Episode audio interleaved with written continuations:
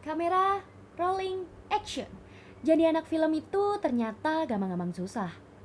Gampangnya, kita nggak bakalan sendiri buat menciptakan suatu karya. Secara nggak langsung sih, kita harus kompak dalam satu visi. Nah, dari sini nih, momen emas di mana kita bisa kenal satu sama lain. Mungkin yang dulunya nggak deket, bisa jadi akrab setelah produksi film. Tadi ngomongin gampangnya, sekarang ngomongin susahnya. Anak film itu harus tahan banting. Karena proses syuting gak segampang yang dibayangin. Belum lagi kalau ada jam yang molor, talent cancel mendadak, sampai ditontonin warga. Kita harus siap dengan itu.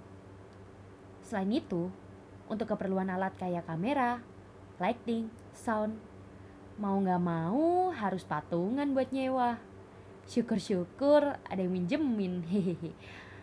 Lumayan hemat. Yang paling sengsara sih kalau kelupaan backup data. Duh, kita harus retake dan ngulang lagi dari awal. Kita juga was-was kalau pas syuting tiba-tiba hujan datang. Huh, paniknya ngelebihin diputusin. Oh iya, film itu cerminan kehidupan.